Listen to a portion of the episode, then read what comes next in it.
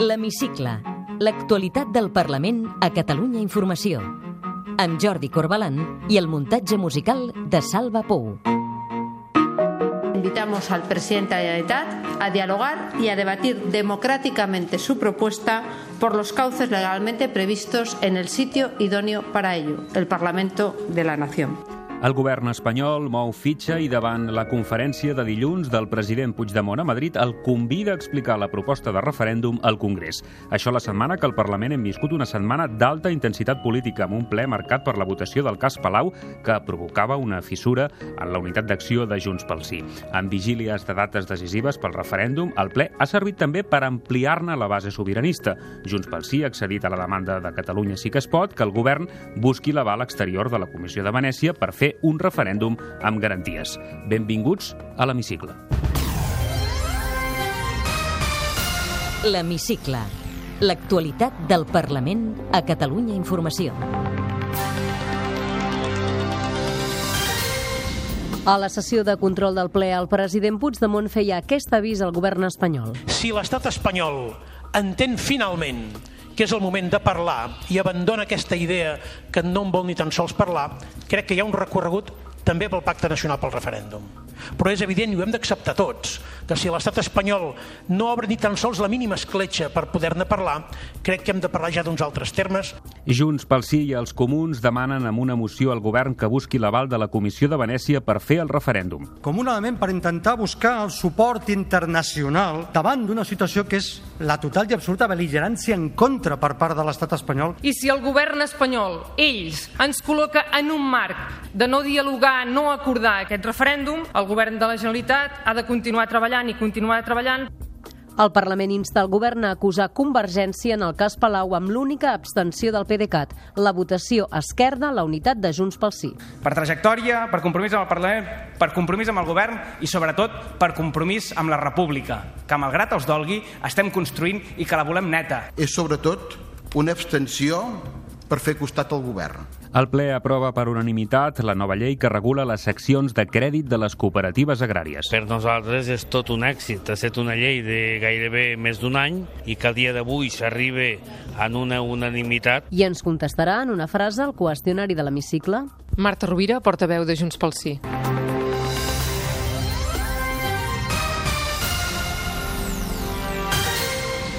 En nuestro derecho, un referéndum de autodeterminación no puede ser negociado por el Gobierno ni ningún poder del Estado. Pero en nuestro ordenamiento constitucional eh, todo puede modificarse, eso sí, respetando los procedimientos legalmente previstos. És la vicepresidenta del govern espanyol, Soraya Sáenz de Santa Maria, en vigílies de la conferència del president Puigdemont a Madrid i del balanç del Pacte Nacional del Referèndum, la Moncloa fa un cop d'efecte en la seva estratègia política i convida el president Puigdemont a defensar el referèndum al Congrés. Al ple del Parlament, Junts pel Sí accedia aquest dijous a buscar l'aval i el reconeixement de la Comissió de Venècia per fer el referèndum, tal com reclamava la moció de Catalunya sí que es pot. La CUP es va abstenir apel·lant al dret d'autodeterminació dels pobles. Ho expliquem amb Carme Montero. El text aprovat insta el govern a posar en coneixement de la Comissió de Venècia la voluntat majoritària dels catalans expressada en el mandat del Parlament. Per això demana que posi en marxa les iniciatives oportunes per tenir l'assessorament, reconeixement i aval de l'òrgan consultiu del Consell d'Europa. El diputat de Catalunya sí que es pot, Joan Coscubiela, va defensar el text. Nosaltres no hem plantejat el tema d'aquest reconeixement previ com a condicions o limitacions. L'estem plantejant, ho hem dit des del començament, com un element per intentar buscar el suport internacional davant d'una situació que és la total i absoluta beligerància en contra per part de l'estat espanyol a la celebració d'aquest referèndum.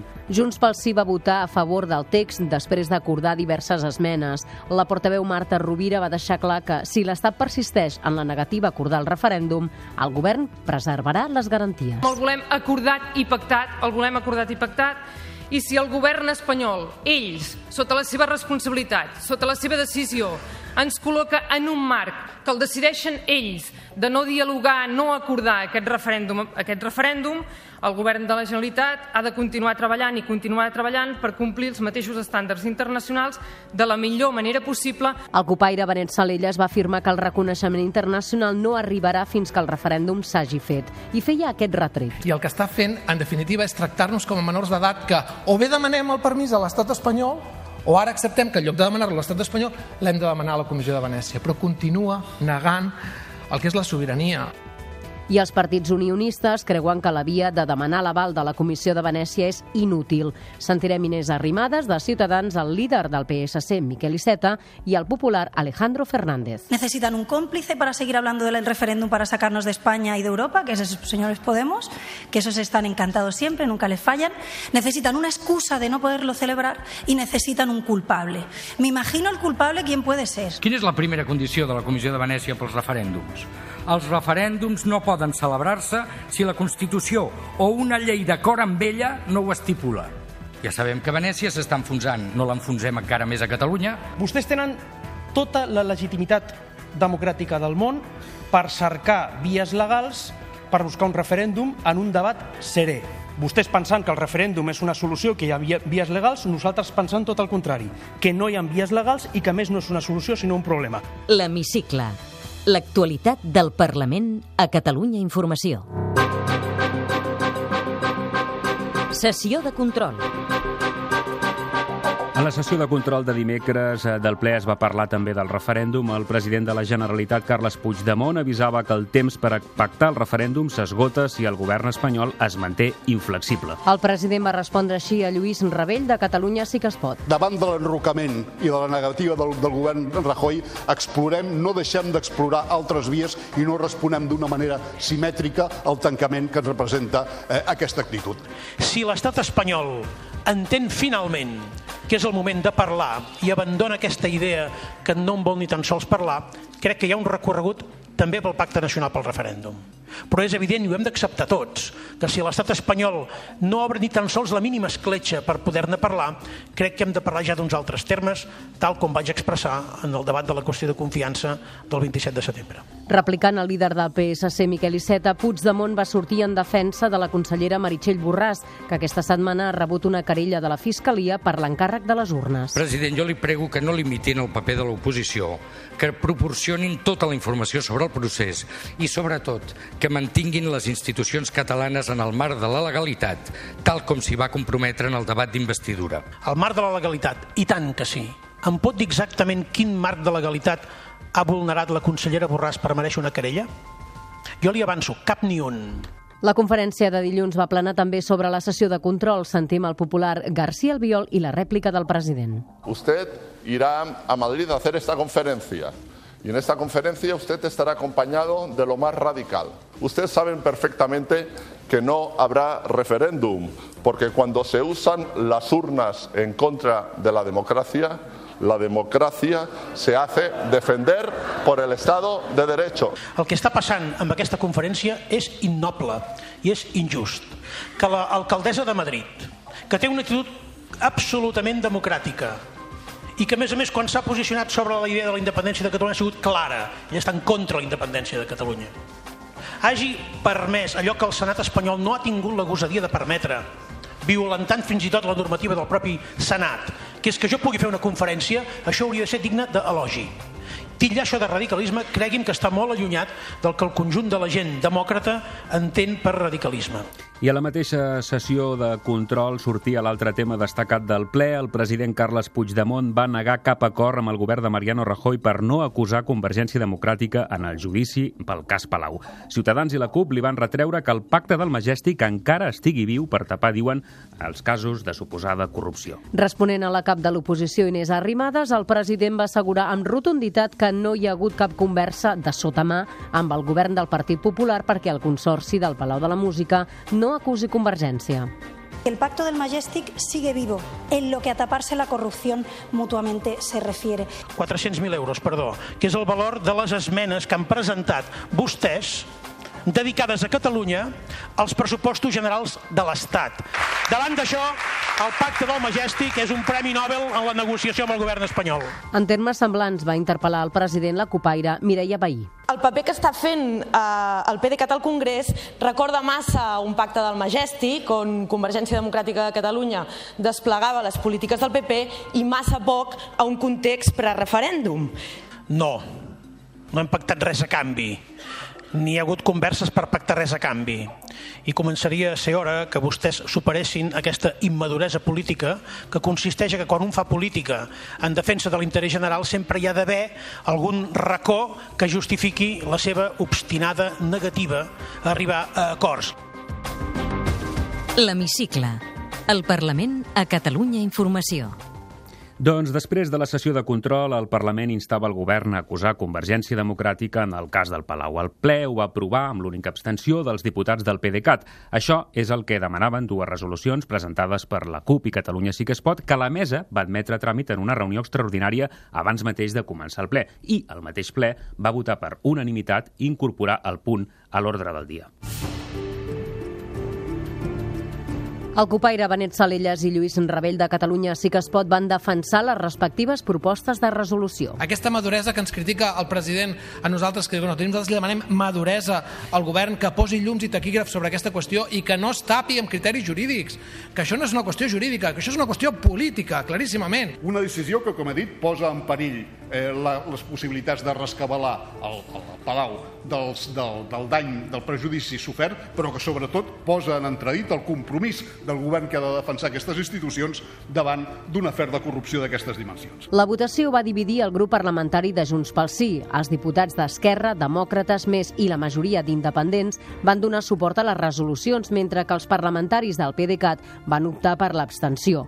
El republicà Gerard Gómez del Moral i Albert Batet del PDeCAT van defensar les respectives posicions de vot. Per trajectòria, per compromís amb el Parlament, per compromís amb el govern i, sobretot, per compromís amb la República, que, malgrat els dolgui, estem construint i que la volem neta. És, sobretot, una abstenció per fer costat al govern per un posicionament que ahir mateix el govern va prendre de forma unànime i col·legiada. Sempre, i més en aquests moments, aquests diputats ens ens tindrem sempre per fer costat al govern.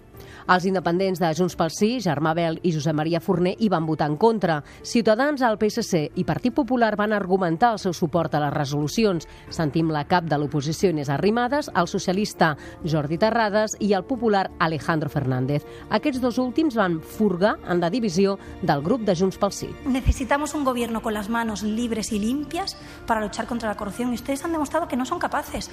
Uno, porque no pueden y otros porque no quieren porque se les desmonta la teoria de que los que nos roban son los españoles. La pregunta és, això del govern, qui ho acaba portant? Qui ho porta, tot això? Perquè aquí hem, hem vist que hi havia posicions diferents respecte a aquesta qüestió. Adreçant-me a Junts pel Sí, que aquesta proposta de resolució no serveixi per maquillar que ahir Esquerra Republicana de Catalunya, com a govern, es va empassar pacíficament tot el que estem parlant, per molt que ara puguin fer postureo o fer-se els indignats. L'Hemicicle. El ple d'aquesta setmana ha aprovat per unanimitat la nova llei que regula les seccions de crèdit de les cooperatives agràries. El sector present a la cambra rebia Carme amb satisfacció la norma després d'un any de treballs. Sí, la llei preveu que totes les seccions de crèdit aportin el 3% del que gestionen a un fons comú per donar suport financer a les entitats que tinguin problemes i garantir els estalvis dels socis. També es crearà una comissió de seguiment per preveure i evitar situacions de fallida com va passar a Cambrils o l'Aldea.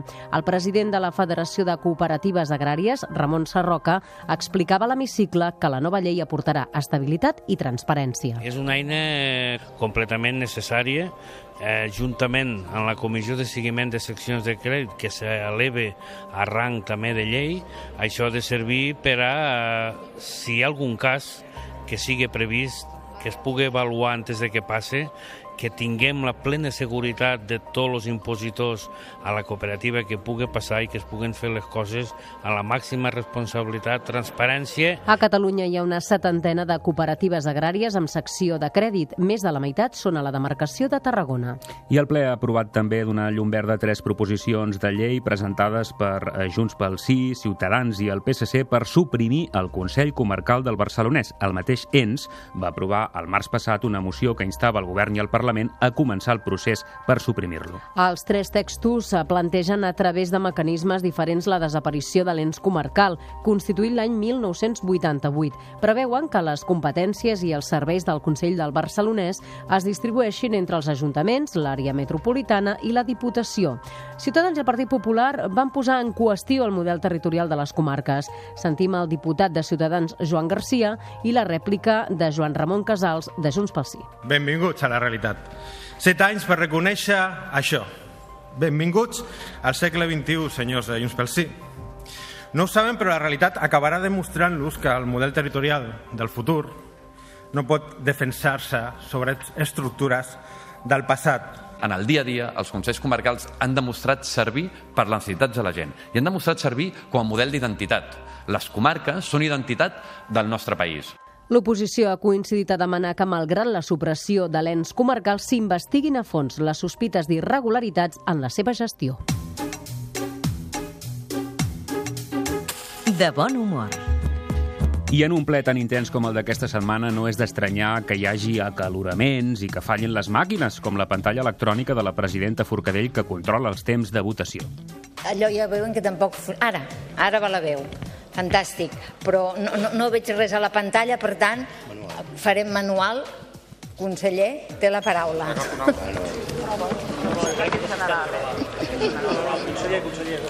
No hem resolt el problema tècnic, però ho farem tot manual. Eh? Per tant, eh, esperem que, que vagi bé. Diputades, que tenim un problema perquè ens diuen que tenen calor, posem l'aire, uns altres tenen fred i estem tota l'estona igual. Eh? Bueno, em sap greu, res. però... Son temas caseros.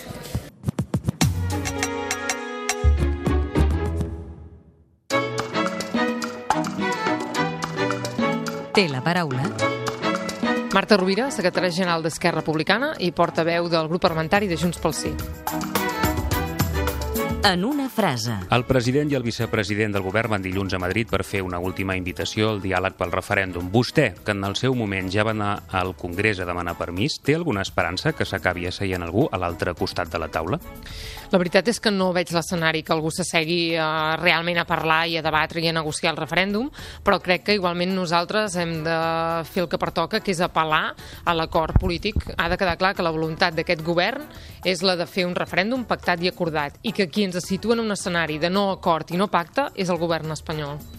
Estem arribant al moment de passar del referèndum al referèndum?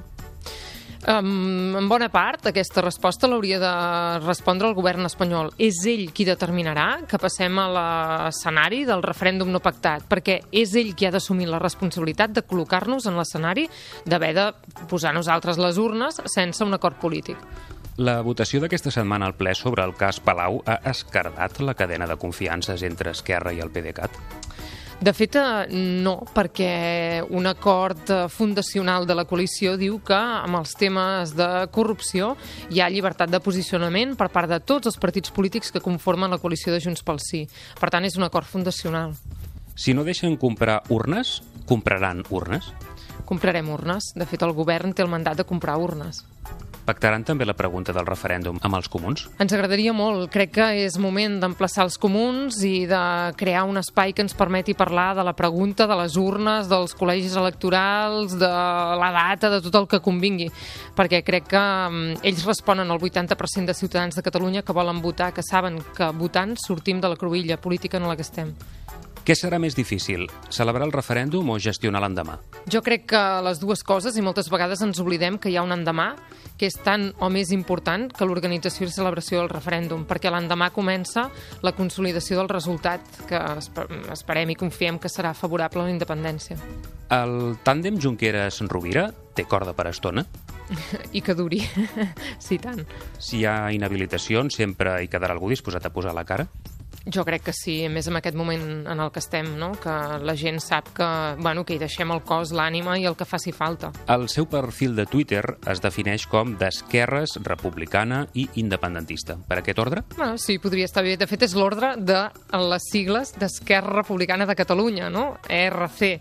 Som d'esquerres, som, obeïm un pensament polític que és el republicanisme des dels seus orígens més clàssics i la, la nostra anel és la llibertat del poble de Catalunya un referent polític. Sense massa solemnitat, jo crec que avui dia, per mi, molts referents polítics, tot de gent que cada dia surt de casa seva intentant millorar la societat en la que vivim, que això és molt republicà, és aquell esperit de virtut civil, de contribuir a la comunitat, de fer un país millor entre tots. Jo crec que som un país molt republicà. I jo crec que aquests són els meus eh, veritables referents polítics, aquella gent que lluita per canviar allò que té al costat de casa. Marta Rovira és de dret i de polítiques. A què es dedicava professionalment abans de ser diputada? Doncs eh, he exercit uns quants anys eh, d'advocada i també he estat treballant en l'àmbit de cooperació al desenvolupament. Recorda que volia ser de petita? sí. De petita moltes coses. Recordava que m'atreia molt la figura del periodista, però en una visió molt romàntica, eh? d'aquell que feia cròniques amb una investigant i amb una màquina d'escriure d'aquelles típiques d'abans. I no sé, un dia del periodisme vaig passar al dret molt convençuda també. És puntual? M'encanta ser puntual, pateixo molt quan no ho puc ser i m'agrada que també ho sigui la gent. Puntual i eficaç, anar per feina. Quants diners porta la cartera habitualment? Soc un desastre. Eh, és a dir, que abans de fer alguna cosa he de mirar la cartera per no quedar malament. Normalment faig servir bastant la targeta de crèdit. Viu de lloguer o de propietat? Diguem-ne que estic pagant hipoteca, per tant, visc en propietat, pagant una hipoteca i, i esperant que algun dia doncs, poder-la acabar de pagar. Quin va ser el seu primer cotxe? Va ser un Talbot Horizon, de segona mà, però ja tenia cinc marxes, um, que tinc un record molt, molt, molt nostàlgic, molt romàntic, i, i anava superbé, era encantador. On s'escapa quan vol desconnectar del tot? Mira, o dalt d'una muntanya o davant del mar, si és hivern i a la platja hi ha bastanta solitud, són els meus llocs preferits. Digui'ns un defecte seu. Um, soc una mica patidora i crec que um, determinats nivells de patiment pot arribar a ser un defecte. Pateixo perquè tot vagi bé, em preocupo. Es mou bé, eh, als fogons? M'encanta cuinar i de vegades diuen que ho faig bastant bé. Quin plat ens cuinaria ara? Mira, jo tinc un plat molt preferit que fa dies que no faig, que és molt d'hivern, que és eh, heredat de les àvies, que és sopa torrada amb pilotilles. És boníssim. La política i la dieta equilibrada són compatibles? No gaire, ja has de posar molta consciència per fer-les compatibles, que és el que intento fer jo. Dorm amb el mòbil a la tauleta de nit? No, el mòbil el deixo apagat i a l'altra punta del pis, tot i que és un pis molt petit, però ja em dona molta sensació de distància. Sap quants seguidors té a Twitter? Ara mateix m'enxampes eh, que no ho sabria dir, jo crec que el, cap als 50.000, vaig estar a punt d'intentar identificar quin era el 50.000 um, perquè em feia il·lusió, però no ho vaig fer. Per tant, de que està per aquí. A prop de 55.000. Les fotografies que puja a Instagram les fa vostè? Sí, és la xarxa social que més m'agrada i m'encanta. No tinc més, vull dir, no, no en pujo més perquè no tinc més temps, però a vegades penso, podies haver immortalitzat aquest moment, això és xulo, ho comparteixes, sí. Escolti, he llegit que és membre de la colla castellera dels Segals d'Osona. Fa castells? Uh, més que castells, que ho vaig intentar, i escalar no se'm donava gaire bé, um, vaig dedicar a tocar la gralla i formava part de la colla de grallers dels castellers del Segal d'Osona i evidentment quan ja feia dies que no anava assaig i, feia, i vaig fer algun gall em van demanar doncs, que passés a una altra vida i ara els vaig a veure. Això dels galls està de moda. Recomani'ns un llibre. Anatomia de les distàncies curtes, de la Marta Oriols. És un llibre de contes, que per tant la gent que no pot eh, tenir gaire un fil conductor de tota una novel·la és fantàstic i són uns contes meravellosos. El racó de Vic, la ciutat on viu Marta Rovira, que no podem deixar de visitar. Jo crec que és un racó més de Vic, és de país, eh? és la plaça Major, és fantàstica, no n'hi ha cap d'igual.